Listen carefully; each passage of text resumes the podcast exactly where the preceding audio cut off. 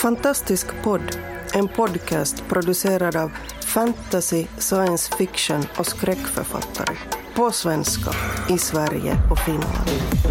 Vi snackar skriva, böcker, våndor och vändor i våra och andras världar.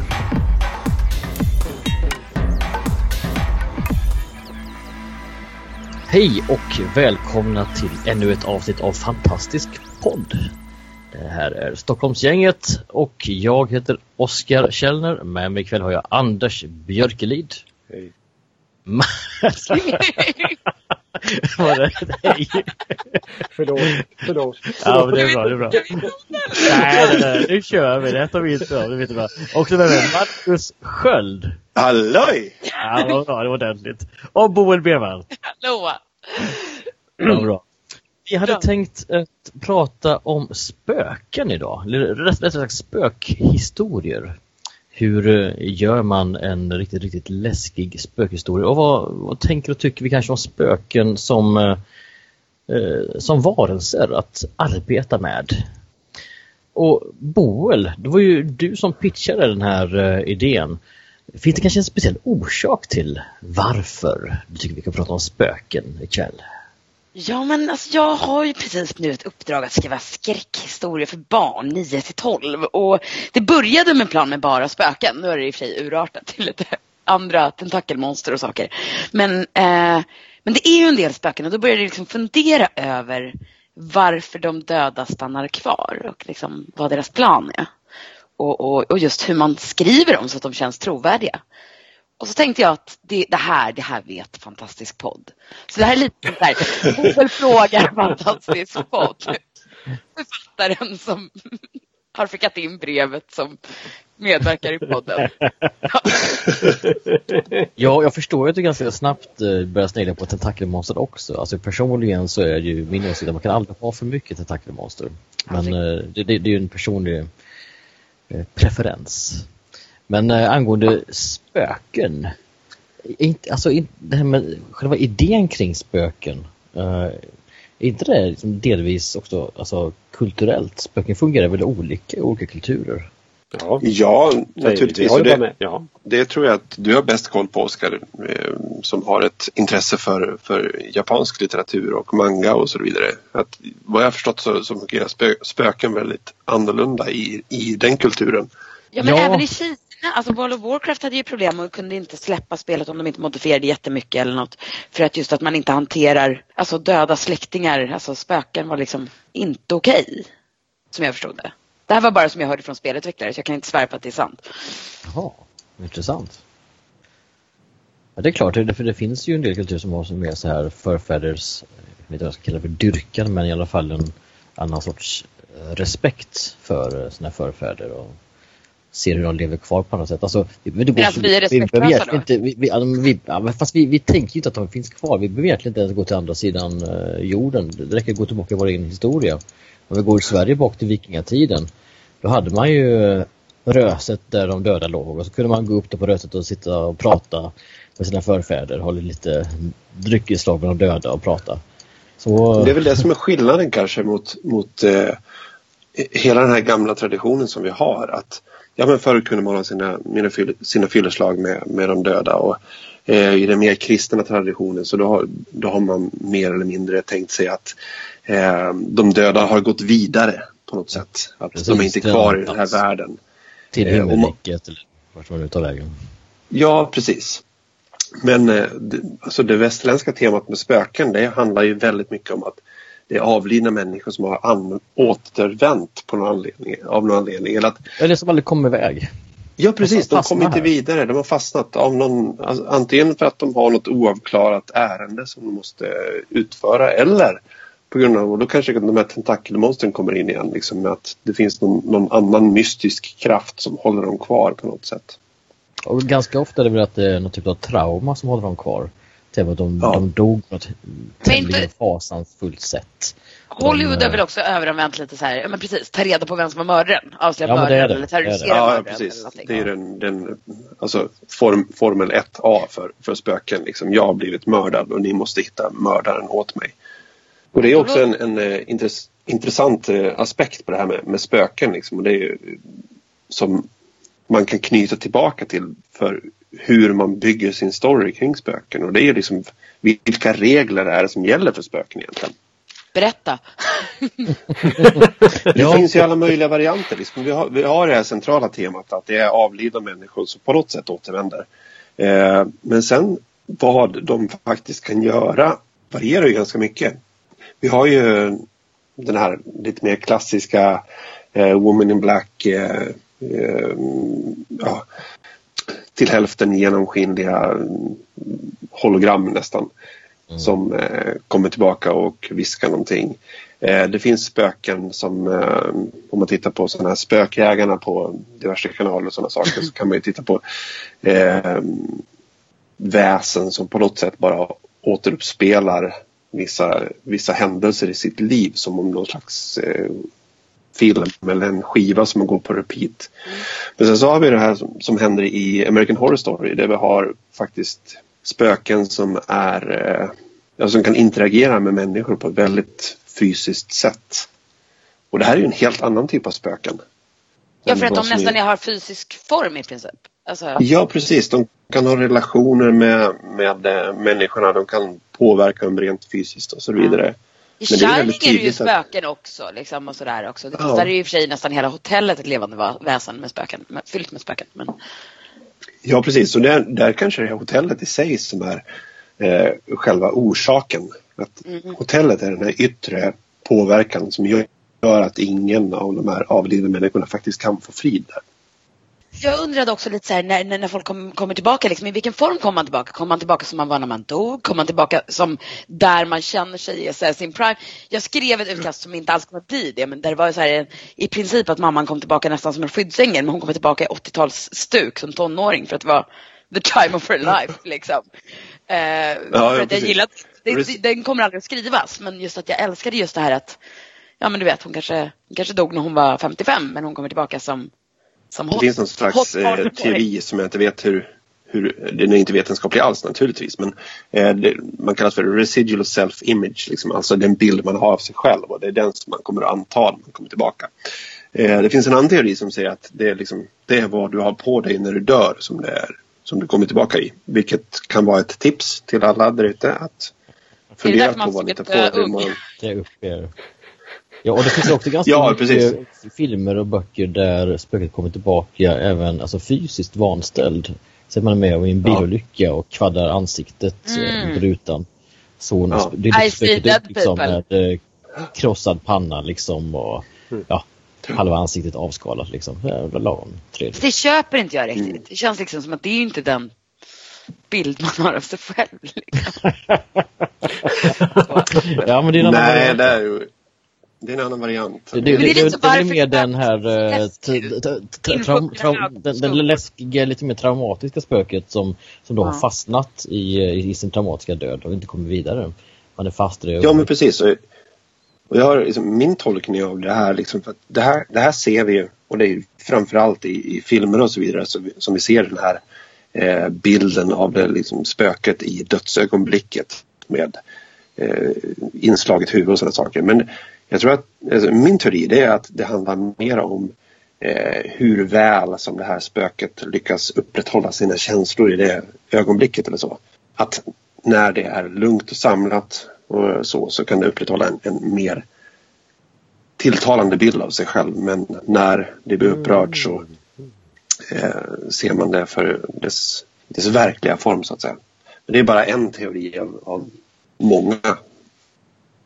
Alltså Men- det finns ju också en del eh, serier, både en del manga men även en, eh, vad heter den tv-serien, amerikansk sådan, om en tjej som hon dör på ett väldigt eh, komiskt sätt faktiskt. En, eh, en rymdstation. Mitt liv som död. Som, precis, Mitt liv Nej. som död heter jag på svenska. Ja, Ja, det. så- toalett, Det, toaletten. det är ju en, en rymdstation som brinner upp inne i, i atmosfären. Ja. Allt brinner upp utom toasitsen. Den flyger ner och träffar i huvudet och pang och död. Eh, Men hon kan inte gå vidare, hon har fastnat. Eh, Men hon får ju ett jobb på andra sidan döden. Hon blir en eh, reaper, en som hjälper andra att ta sig vidare. Men så är det en massa mysterier hon måste börja luska i och så hennes familj håller på och uh, gå sönder. Har hon inte den där toalettsitsen runt, runt halsen ganska länge? det har jag faktiskt inget minne Jag har bara sett den försvann. Men, uh, Nej.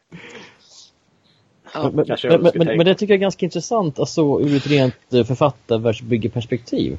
För om du, alltså om vi tänker lite mer hur man konstruerar sin värld här. Eh, om du liksom vill ha lite mer kött på benen och vill utforska eh, din värld ur spökperspektivet, då är det här ett utmärkt eh, exempel på hur man kan göra. Därför annars så blir det ganska många böcker, precis som eh, du var inne på här eh, tidigare Marcus, att se, se spöket har fastnat, det var ett mord och så måste de levande ta reda på eh, vem var som mördare och så vidare. Men i det här fallet så kan man ju faktiskt låta spöket vara huvudpersonen. Uh, för den har, den har liksom ett jobb i det här mellantillståndet. I det här, uh... Ja, precis. Men då, då, hamnar vi i olika genrer tror jag. Okej. Okay. Det... Ah. ah, Okej, okay, du menar, du menar ja. det, det, blir, det blir inte skräck i spökhistoria längre menar du? Nej, precis. Det blir inte skräck. Bara, bara, om du har huvudpersonen som spöke så då är det Urban fantasy nästan. Ja, men det kan du väl ja, visst Hallå, nu, nu får vi så här. Alltså, det, det, däremot är det ju ganska vanligt med den här twisten, typ sådär huvudpersonen var själv ett spöke. Den har ju förekommit några gånger. Menar, uh, ja, precis. Men, det, Nej, men ganska det många. Alltså, nu ska vi kanske inte sitta här och räkna upp och spoila om folk sett. Ja, men sjätte sinnet kan vi spoila i alla fall. Det ja, vi kan lägga upp en lista sen. Vi lägger upp en lista sen. okay. Och då kan det ju absolut vara skräck. Liksom. Eh, det kan väl ja, vara en ganska skrämmande upplevelse för en person som har dött som inte kan komma vidare. Alltså att typ se demoner och helvetets plågor och, och alltså, nej men liksom. Mm. Alltså... Ja, men det finns ju den typen av. Du tänker på The Others också kanske? Ja, det bland annat tänkte jag på den. Ja. ja. Nu spoilar jag den. Men, men, men, båda de exemplen bygger på det faktum att, att man som, som eh, betraktare inte vet att det är mm. de här som faktiskt är spökena. I det ögonblicket Nej, som man känner till det så blir det inte läskigt längre. Ja, fast... Nej, mitt liv som död är ju inte en spökhistoria på det sättet. Det kan man inte säga. Inte en spökhistoria som en skräckhistoria. Vilken då? Mitt liv som död. Den här tv-serien vi pratade om. Nej, den är ju mer en slags urban fantasy-romp egentligen. Om man ja, det är ju mer en, en uppväxthistoria om man ska vara sån. Mm. Acceptera sin identitet på något sätt. Nu råkar den vara som död då. Men, men ändå, det är ju liksom det som Kommer att tänka på den tv-serien, har du sett den här uh, Being Human? Med en, en vampyr. Ja, vampyrer, varor och ett spöke som mm. ja. lägenhet. den var fin. Ja, men det var väldigt... Uh... Det här är ju spöket den mest sorgliga och uh, den tragiska personen. Visst är det så? Hon, är, hon har svårt att kontrollera sitt liv på samma sätt. Ja, För de andra är ju ändå fysiska liksom. Ja, så mm. varulven har väl vissa problem också kan man säga. jo, ja. hon är väl You hon är väl fast där? Men, jo, men hon är fast, ja, precis. Hon är för mig, hon är liksom mer alltså, fast på, på, på platsen liksom. Ja, precis. Men, men jag, jag har ju märkt när jag skriver spöken att de är ganska mycket exakt som när de levde. Det är bara det att de är spöken. Alltså det, de kan vara förbannade och arga eller vilja hjälpa eller liksom ha funderingar eller någonting. Men de är ganska mycket så här, de ser ut nästan exakt som när de, alltså, alltså de, de ser ut som vanliga människor, de pratar som vanliga människor. Liksom. Ja. Men det är inte det som är grejen med spökena, att de, är liksom, de förändras inte så mycket. De är, de är fast i sina rutiner på något sätt. Och de har en begränsad uppsättning med saker. Man ser inte så mycket karaktärsutveckling hos själva spöket egentligen. Det kanske borde bero på hur länge de har varit spöken i och för sig. Man kan ja, tänka kan det. Mm. Det finns ju, finns, har ni läst eh, Jonathan Stroud, heter han så? Eh, Lockwood and Co. Uh... Den serien. Nej, det tänkte jag fel. Nej. Den är ju lite young adult eh, spök. Det, det, är, jag tycker de är rätt läckra. Jag har i och för sig hört dem som eh, ljudbok i första hand. Jag vet inte hur de fungerar på papper. Men det är en serie, en serie böcker som utspelar sig i ett alternativt London där, där man för ett antal år sedan, jag kommer inte ihåg, 50-60 år sedan, börjar få ett problem och det är att alla de dödas andar kommer tillbaks. Eh, och det är bara barn som ser dem men även vuxna dör om de råkar ut för dem. Mm. Mm. Så att eh, hela ekonomin kommer att kretsa kring att barn får utbildas som spökjägare. Alltså, det är bara de som kan se så dem. Cool idé! Och, eh, ja. Och, ja, det, ja, den är jättehäftig.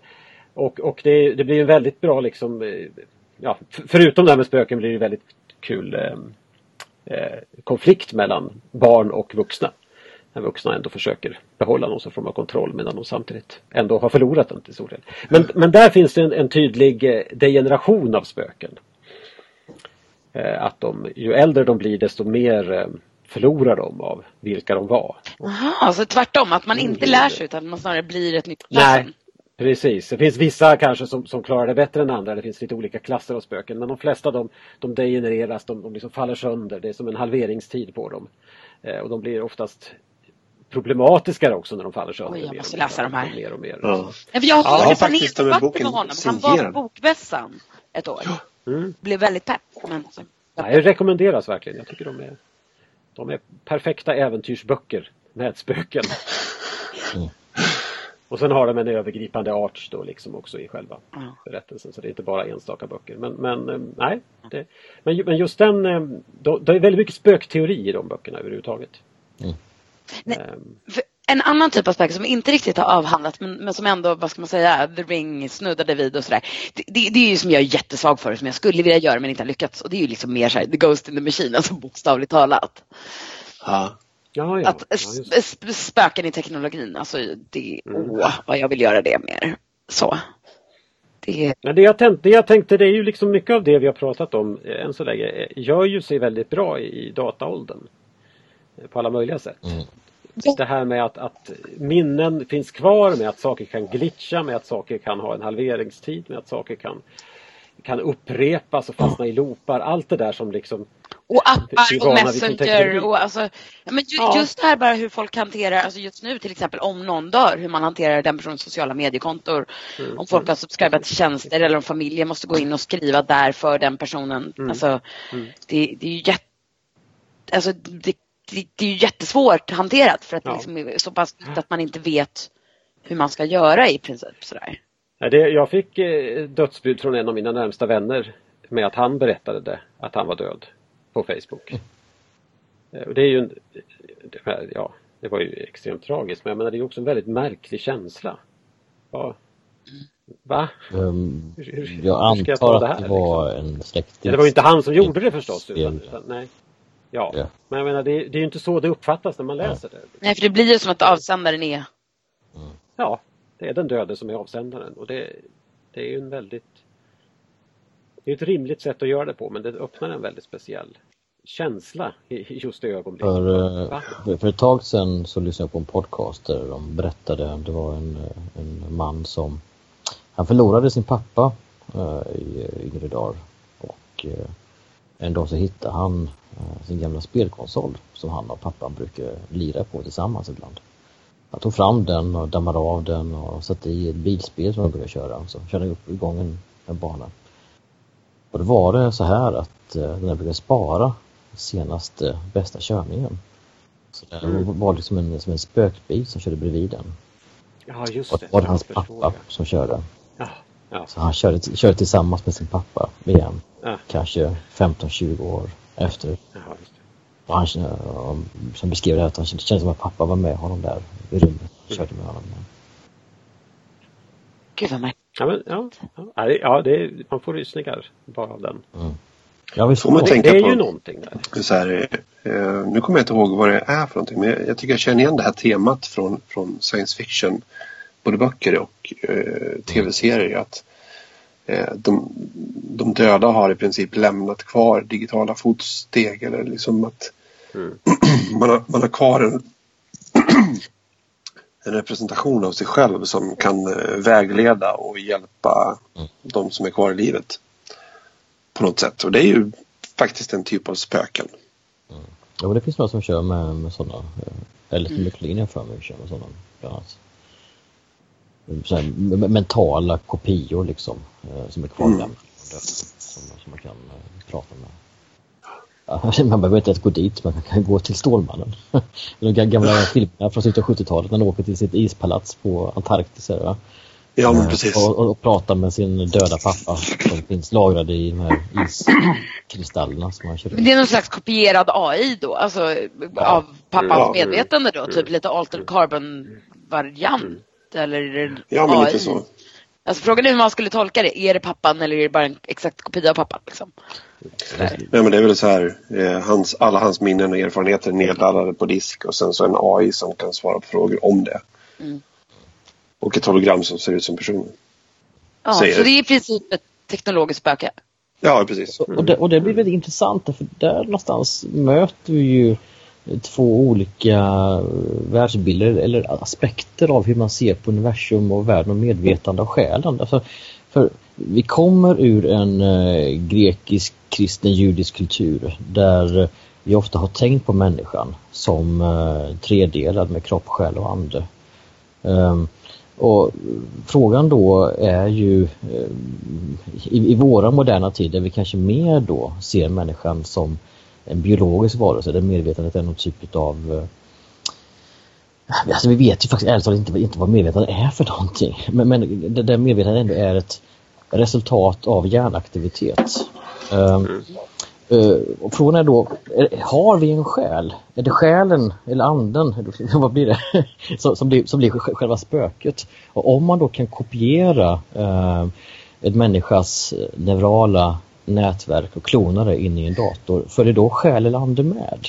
Alltså det, det, det är två olika begreppsapparater Mm, mm. här va? Det korsar. Som, som korsar och, och de, Men- de, de driver och drar lite grann i varandra. De är svårt att liksom få, få grepp om vad som är vad. Liksom här. Men jag tycker det är jättespännande för alltså det är någonstans så här, men man vet ju så tankeverksamhet och liksom alla, all erfarenhet som man har samlat och eh, vad som helst, minne, gener och allting. Men det är också just den här fysiska aspekten av att hur mycket är liksom glitchar och impulser och hormoner och sånt där som då försvinner om man bara tar någon slags kopia-essens, alltså som inte har alla de fysiska funktionerna. Och det, då kan man ju då förklara med när spöken ofta blir lite mer så här avtrubbade. När de inte re- längre kan relatera riktigt till det människor har. Mm.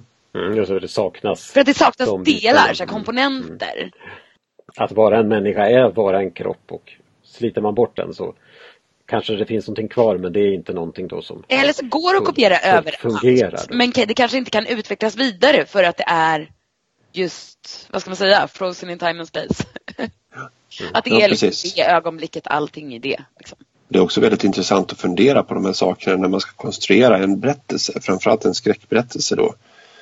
Ehm, där man idealiskt sett inte vet att man har att göra med spöken från början naturligtvis men att man funderar på vad är det som spöket kan göra för någonting egentligen. Okej, det saknar en, knopp, en kropp. Vad, vad, kan man, vad kan de göra då? Eh, vilka förmågor har de att påverka sin omgivning? Och det i sin tur ger ju uppslag till vad, vad är det som, som jag kan beskriva i den här boken som de här okända väsena gör. Eller liksom så knarrande ljud eller kalla vinddrag. Eller liksom, kan de bara betrakta huvudpersonerna liksom, och få dem, de kanske får en känsla av att de är övervakade till exempel fast de inte ser någon i rummet. Och, är de alltid synliga? Är de, eller är de alltid osynliga? Kan de slå, slå av det och på det och så vidare? Eh, oh, där måste jag bara, för jag, jag, jag läste precis om Agnes Cecilia, en sällsam historia. Bara för att jag var sådär, ville påminna mig. Den är ju extremt oläskig när vi pratar om skräck just sådär. För att hon redan från nästan första sidan säger så här, jag, jag tror, jag är ganska säker på att någon iakttar mig. Hon står vid dörren. Jag vet inte varför jag vet men jag vet att hon är det. Det är lite kallare och klockan tickar. Eh, och hon vill mig inget ont. Alltså det liksom inleds ju där med hon är helt säker på att det här spöket inte vill någonting elakt. Däremot vet hon inte vad spöket vill.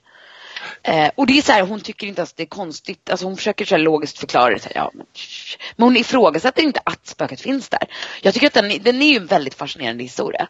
Eh, just därför att relationen mellan, för där vrider de ju på det så att sen helt plötsligt så är det som att hon är spöke i spökets värld.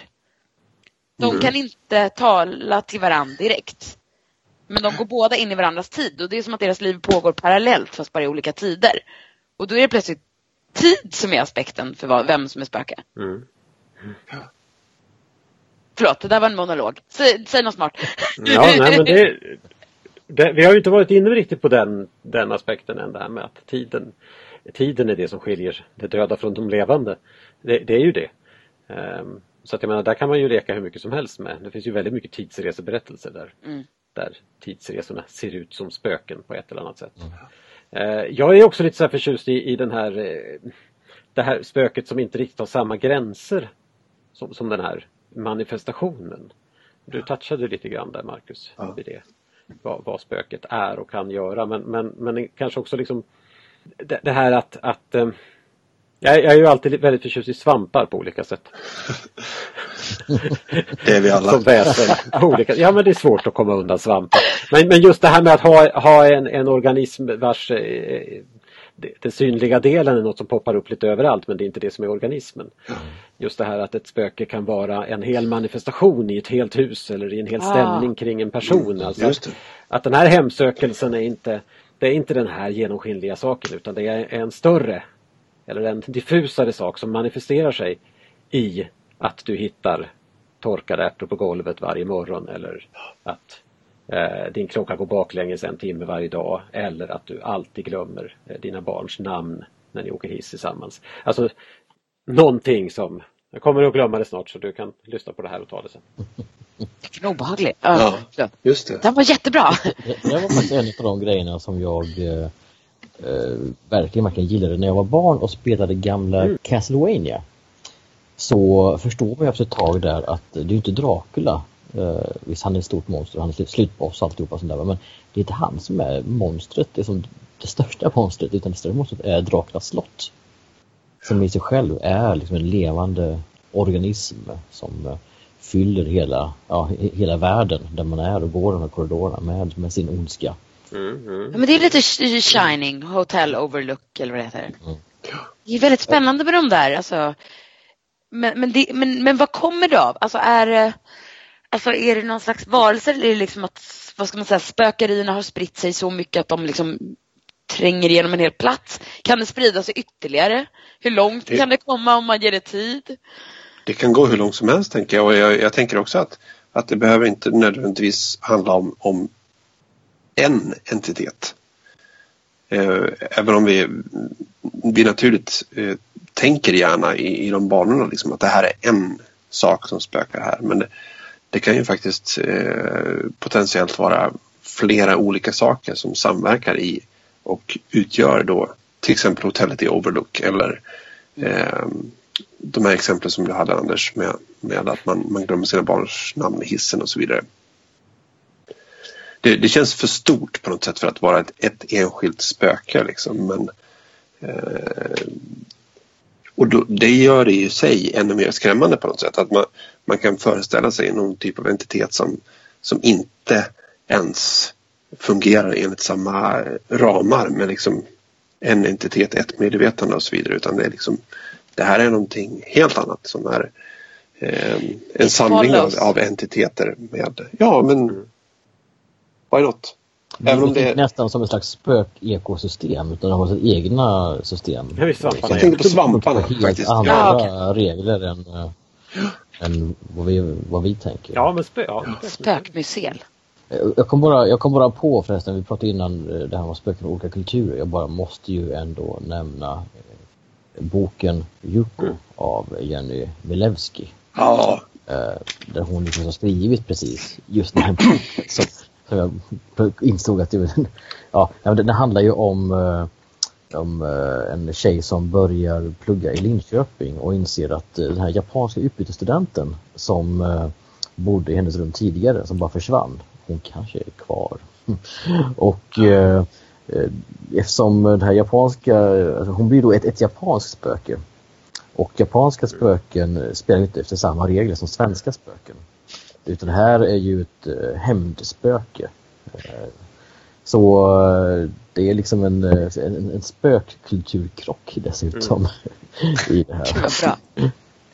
Men, men då måste jag bara passa på att slå ett slag för jag har precis läst några latin och god damn eh, vad jag tyckte om den. Eh, men där är ju också ganska länge hon vet ju inte, finns spöket? Jag är gan, ganska säker på att det finns ett spöke. Är det, är det ett snällt spöke? Är det ett ont spöke? Alltså vet inte spökets agenda. Och just att det har blivit en mytbildning på den här skolan och latin om det här spöket. Alltså lite som en sån här vandringssägen. Där alla har lite olika varianter på vad som egentligen har hänt och vad personen tog Jag vägen. tycker om det, här på, på tal om, om, om em, asiatiska spöken och, och hämndspöken och, och det där också. Den här, det, det som jag tycker att jag har sett i den asiatiska traditionen som skiljer sig från de flesta västerländska spöken alltså på är det här att det, det, det, det som det hämndmotiv vi ofta liksom stöter på i västerländska berättelser är oftast väldigt personligt. Eh, för spökenas del. Men, men i de asiatiska är det personligt hur det utförs. Men vem det riktar sig mot, det är inte så noga. Och jag, den, den, den, det tycker jag är väldigt kittlande och är en av de mest obehagliga sakerna med, med de asiatiska spökberättelserna jag stött på. Det här att det är skitsamma vem du är, du har dragits in i det här sammanhanget. Och jag vet, jag skrev en, en, en rollspelsberättelse en gång inspirerad av Dorothy Perkins Gilman till exempel. Men där jag försökte använda det här, det här eh, asiatiska tänket att, att du kommer till ett ställe och så fort du är inne i det här är du inne i den här spökets historia. En historia där hon har varit förtryckt eh, och hon eh, har en, en enormt hämndbegär. Hon, hon liksom har en stort upprättelsebehov. Oavsett vad, vem du är och varför du är här så kommer du dras in i hennes berättelse och ja, hon kommer att ta koll på folk. Det, det, det är inte, det, den obevekligheten tycker jag, den, den den är, den, är, den är mycket mer obehaglig än den här. Vi måste få reda på varför spöket är som det är och vi kan befria det på något sätt. Det här, nej, det är inte det det handlar om utan alla dras in i samma sak. Men där har vi liksom det här konceptet, alltså, som vi, alltså onda spöken versus goda spöken versus bara helt mänskliga spöken. Eh, men alltså onda spöken, alltså, då, då är det väl ofta lätt att man förklarar med något så korrupt, du mm. vet att de har förlorat en del av mänskligheten. Men, men mm. om de bara var elaka jävlar även när de levde så kanske de är elaka Just jävlar när de är döda också. En, liksom. en naturlig ja. orsak till hämnd också, att verkligen de är, de är extremt förtryckta eller ja, eh, misshandlade på något sätt och de vill hämnas. Men problemet är att de som spöken så gör de det urskillningslöst. Det är inte, det är inte riktigt samma... Mm. Men det känns, kan ju kännas ganska rimligt. Man kan ju också, om man dör och har en odefinierad ilska mot mm. kanske ett samhälle som man tycker har svikit en. Ja. Ni, ni, vet, om man kanske haft ett liv som man, man tycker att det här livet var hemskt och det förtjänade inte jag. Men ingen hjälpte mig eller ingen ja, fanns där. Ja. Då borde man ju kunna ha någon slags bara besinningslöst alla som har det jag inte hade eller alla de som jobbar med någonting vagt besläktat i de yrkena som Eller alla, alla som mig. jag kommer åt bara, jag tänker jag. Lite... Ja. Alla jag kommer åt. Alla jag kommer ja, åt. Precis. Alla ja, inom min radie. Ja precis, det är liksom det västerländska missförstådda spöket liksom, som är så bitter på allt och alla så att till en början så agerar den ut och eh, attackerar allt och alla som kommer i närheten. Men sen mm. så när huvudpersonen inser att det finns en gåta här att lösa så hjälper spöket men om det inte finns någon gåta att lösa, Nej. om det bara är så här This ja, precis. Det, that is shit, liksom. jag, jag, jag, jag efterlyser fler mm. eh, asiatiska spöken som är bara fruktansvärt grymma hela tiden. eh, jag gillar det. För, för den traditionella västerländska traditionen för, för den här typen av spöken det är ju egentligen att göra dem till Nej, det var inget ja, spöke egentligen. Just. Det här är en demon. Mm, och det ser, vi, det ser vi om och om igen. Nu, nu måste jag ställa en lite dum fråga här. Alltså, demon är aldrig spöke alltså, utan demon är en Demoner helt annan varelse. Det beror på vilken kulturell, vilken kulturell kontext du kör ur. Alltså ja, om precis. du kör ur en eh, klassisk eh, judo-kristen, då är ju en demon alltså en, typ en ond ande från helvetet under Satan. Typ. Ja, men... men Ett övernaturligt väsen som... Men fast eh, eftersom dumma Nej. människor hamnar i helvetet kan de yeah. bli demoner och komma tillbaka. Ska, ska Utan demoner är en helt annan rasart ras, typ. som är skapad av djävulen. Enligt den traditionen, ja. Ah, okay. Eller alltså de är fallna änglar egentligen. Alltså, Gud skapade ja. Men är demonerna fallna änglar? Ja visst, både ja. Satan och demoner är Lucifer egentligen en demon då? Lucifer är ju en, en av ärkeänglarna. Det är ja, som gamla Jag, jag har aldrig hört honom benämnas demon. Nej, nej men, men det är ju för att han... För att i, I modern fantasy så skiljer vi mellan demoner och jävlar på olika sätt. Men det finns ju ingen äldre tradition ja. som, som gör det. Utan, det nej, utan, utan går man tillbaka till den gamla kristna traditionen då var det ju eh, Gud skapade änglarna eh, i sin himmel eh, och så hade den ett, ett antal ärkeänglar eh, Lucifer, eh, Mikael och eh, Gabriel. Eh, sen så tyckte Lucifer att han var ju så stor och snygg så han borde bli tillbedd istället för Gud. Gjorde han uppror och blev nedslagen och med sig tog han en tredjedel av alla änglar ner till helvetet. Så han är liksom ärkedemon eller ärkedjävulen och de andra är små jävla små demoner. Det finns liksom ingen skillnad i art där utan Du vet att han får ett separat mörkrets rike då, nedkastat i helvetet. Mm. Men, men jag blir lite nyfiken, ofta är det ju kristendom som rusar in och ska rädda dagen i Hollywood rysare. Ja. Eh, sådär med, med, med kors och allt och så. Men, men köper kristen, för uppenbarligen har ju den kristna kyrkan haft sådana här, äh, nu ska vi Exorcism. ta bort ondskan, vad vad det nu heter, ritualer. ehm, Ja men Exorcist. alltså, exorcism, Mm. precis. Men, men samtidigt så känns det helt ologiskt äh, att kristna tron accepterar spöken eftersom man borde hamna i himmel eller helvete. Nej, alltså Eller? det här, det här är ju en, en nyare tradition, idén om att, om att det, du som du dör kommer du till himlen med en gång. En, en, den äldre kristna traditionen säger att när du dör så ligger du i din grav till domens dag.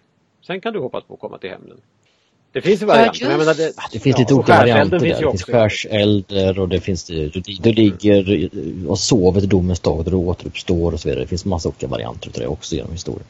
Ja, Som i Narnia. Förlåt.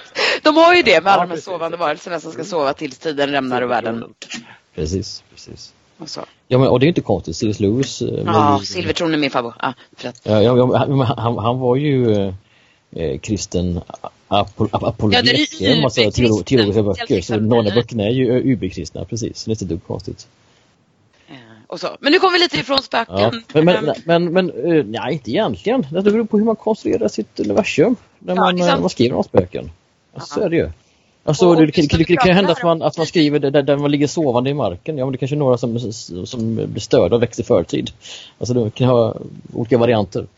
ja, Men, men, som eh, Anders och- sa, det här tiden är det som skiljer de levande från de döda. Mm. Om de ligger och sover där, det kanske är Mm. de som är levande, alla andra som är döda. Jo, men jag menar om du, om du för in den fjärde dimensionen på något sätt så är vi ju omgivna av spöken. Eh, Varelser så att säga, pe- personer som har gått på platser där vi har gått tidigare. De, de är ju omkring oss, de är ju bara skilda med tid. Eh, Och tid är ju en absolut Mm. gräns för oss som vi ser universum. Men, men om vi skulle liksom skrapa på den hinnan och säga att tiden är mer genomskinlig eller mer permeabel på något sätt. Då, då har vi ju någon sorts form av spöktillvaro med en gång. Och låter ju fantastiskt. Vi kan ta om, om, om Paulus till exempel eh, beskriver i Bibeln hur, eh, hur liksom folket i himlen, de som går före, liksom står och hejar liksom på, på folk. Liksom, Kom igen då, det här fixar du! Så, så, så där har vi också ett annat perspektiv på. Ja, nej men liksom, de, de, de finns liksom lite utanför tiden i väntan på. Men, men de kan ändå se eh, vad du gör och vad du upplever. Och liksom stå där och be Men de kan inte göra något? Nej, de har väl mer en, en åskådarposition. Men det är mycket möjligt att de kanske också kan eh, Mm, Alltså, det är olika, olika traditioner här. Om vi går till katolska kyrkan och deras helgon. Helgon är ju döda. Det är ju på sätt och vis ett slags spöken om man säger så. Och, och enligt den katolska traditionen så kan man ju be till ett helgon som i sin tur då ber till Gud så att helgonet blir en slags förmedlare av eh, Guds nåd och vishet. Och helgonet är ju då någon form av spöke. Ja, alltså det, det, Det är ju en- en avliden de säga, människa men, men det är en avliden människa. Som befinner ja. sig mellan Gud och högre makt Och dig. någon sorts form av inflytande i vardagen. Jag, jag stod och tänkte här på, på, eh, Ja. på hur mycket av de här liksom olika varianterna som finns i svensk folktro. Eh, jag, tycker liksom det, vi, vi har ganska mycket av, av, olika, av, av de här olika sakerna vi har speglat här nu. Om man, om man tittar på Mm. Det finns en föreställning om eh, de dödas julotta till exempel. En idé om att på julottan så, så går de döda, eller på jul, julmorgonen innan den riktiga julottan så går de döda i kyrkan. Och där har vi, eh, det är obehagligt om de levande skulle råka hamna där, då kan de liksom ligga illa till och bli uppätna. Eller sönderslitna eller någonting sånt. Men, men där har vi någon sorts idé om att de döda lever ett parallellt liv helt enkelt. Gör vissa saker då som eh, oavsett, det handlar inte om hämnd, det handlar inte om att, att gå igen, det handlar, inte, det handlar om att göra en sak som man gjorde i livet. På något sätt. Sen har vi de här föreställningarna som oftast finns i berättelser om mylingar, om, om, om eh, döda odöpta barn. De kommer oftast tillbaks och ger ledtrådar till varför de eh, går igen på något sätt. Eh, om att kistan är trång eller någonting sånt där eller att saxen sticker eller något sånt där. Eh, och och de, följer man dem så kan man oftast få reda på vem, vem den olyckliga modern är som har då begravt sitt barn levande och var kroppen ligger. Men sen finns det föreställningen om gastar också som oftast, i alla fall i de riktiga folksägnerna, är någon sorts dödsväsen där det är väldigt oklart vem de var i livet och vad de var utan de ägnar sig mest åt att ja, vara ondskefulla naturväsen. Men, men de har någon sorts Men skulle inte det kunna vara de här som är förvrängda? De som har varit döda så länge att de har glömt sin mänsklighet liksom? Någonting sånt. Ja, man pratar om att det finns gastknotar man kan hitta oftast om man vill liksom förinta dem. Eh, men, men det är bara gastkotan man pratar om, vilken, vilken den nu är. Liksom. Det, är inte ett, det finns ingen historia bakom den personen. Det finns inte något orsak till att den går igen utan det här är bara någonting som att, finns ute i, i naturen och de är oftast farligast också för att mm. stöter man på dem så verkar de liksom kunna ta koll på en. Eh, blir man gastkramad så är det för att en, en gast har fastnat på dagen och är osynlig och man går igenom den. Gastkramad? ligger man illa till. Gud vilket bra ord. Mm.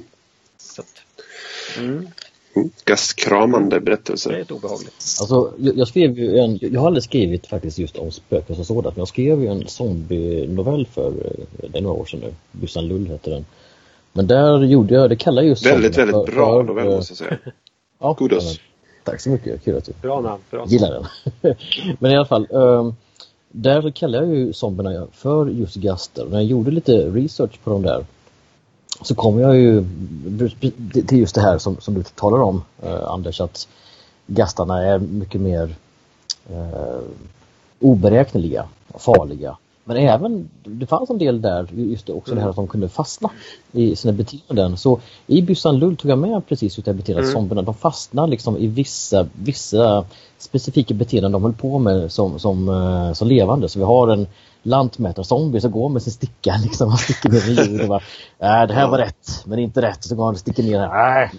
Och vi har en, eh, en, en uh, presszombie som går omkring och, liksom, deklarerar Eh, Guds rike är här, omvänd er och så vidare. Och, mm. och, och jag kombinerar den idén med, eh, jag hade nämligen lyssnat på en podcast lite innan där, eh, jag glömde bort vem som pratade, men just om zombies. Och det var en som sa det att när det kommer till spöken och zombies, om man vänder på det och inte ser specifikt alltså till väsenet som sådant utan ser till människan som upplever de här sakerna så rent psykologiskt kan man säga att det ganska ofta handlar om en oförmåga eller ovilja att acceptera att någon är borta. Eh, och därför så, så återupprepas då alltså den levande människans eh, sinne, eh, minnen och annat som, som gör att ja, de här då kommer tillbaka i, i sig själv. Och, och de här idéerna drog jag ihop med lite annat då i, i den här no novellen. Och jag, jag tror att om man vill skriva böken, kan kanske inkludera zombies för det är också, ja, jag vet inte, det är en annan sorts väsen egentligen, men jag tror, jag tror man gör bra i att eh, plocka helt enkelt eh, ett gäng olika idéer och smacka ihop dem och se liksom vad man får ut i andra ändan. Nej, men jag tror att du är helt rätt där. Eh, spöken och zombier är väldigt lika varandra i mångt och mycket. Är, även om, om zombier ofta Um, de är mer fysiska. Men, men de ja, de är fysiska och det är, det ofta, ofta så, så illustreras de ju det här liksom att de är bara ett, ett sinneslöst skal som går omkring och, och äter saker. Men man ser också precis det här som du pratar om att, att man repet, zombierna repeterar mönster som man har, har gjort i livet. Till exempel Dawn of the Dead. Mm. Um, Hanteringen av de odöda hade ju också... Hanteringen av de odöda, precis. Att zombierna återvänder och gör mm. samma mm. saker som de gjorde i livet. Mm. Eh, och det, det, är ju en, en del av det här spökaspekten. Liksom att man fortsätter att göra samma saker igen. Så att det, det finns kopplingar där, helt klart. Och en sak jag kommer att tänka på nu när vi pratar om zombies var det, eh, det här eh, japanska spöket som nästan blir som en naturkraft av ondska som vill fram mot vem som än råkar vara i vägen. Mm. Det funkar zombierna på nästan samma sätt. De vill också fram och ja. vad som än är i vägen. Jag, jag, jag sätter faktiskt på det här, det här mer österländska sättet att se på, på spöken. Eh, faktiskt första gången, ganska många år sedan nu, när jag spelade Final Fantasy 10. Så det är ganska länge sedan, det var på PS2. Uh, men det, det, finns en scen i början av det spelet där en, en av huvudkaraktärerna Juna, hon, eh, det, det, är ett stort slag och det dör en massa människor. Och efter det slaget när liken ligger liksom i vattnet överallt, då går hon ut och dansar en dans. Och bjuder alla de här förlorade själarna att eh, gå vidare då till, till andra sidan. För så gör hon inte det, förklarar de. Om, om, hon, om inte hon eller någon annan som har den här förmågan eh, bjuder in de här själarna till, till dansen och för dem vidare, ja, men då, då kommer de tillbaka som monster som förtär allting. Åh gud. Jag har ju och spelat det här med i- spelet men jag minns inte det här. Gud vad jag känner mig helt... Ja. Men det är en och jättespännande idé. Fantasy finns det. Hjälpa vidare liksom. För att annars förvrängs de. Mm. Eller? Hörni, vet ni vad? Vi har pratat jättelänge om det här. Ja, vad roligt! Ja. Ja, men det är roligt. Innan Nej, men, eh, tack så mycket. Tack alla Det kära lyssnare. Det har så gott så hörs vi säkert. Tackar. Ha det bra. Hej då! Hej då! Du har lyssnat på Fantastisk podd. Om du trivdes i vårt fantastiska poddsällskap och vill ha mer så hittar du äldre poddar och information om oss som deltar på vår hemsida under fantastiskpodd.se och på vår Facebook-sida Fantastisk podd. Har du frågor eller förslag på vad du tycker att vi ska tala om, hör gärna av dig antingen på Facebook eller via kommentarer på hemsidan. Vi hörs!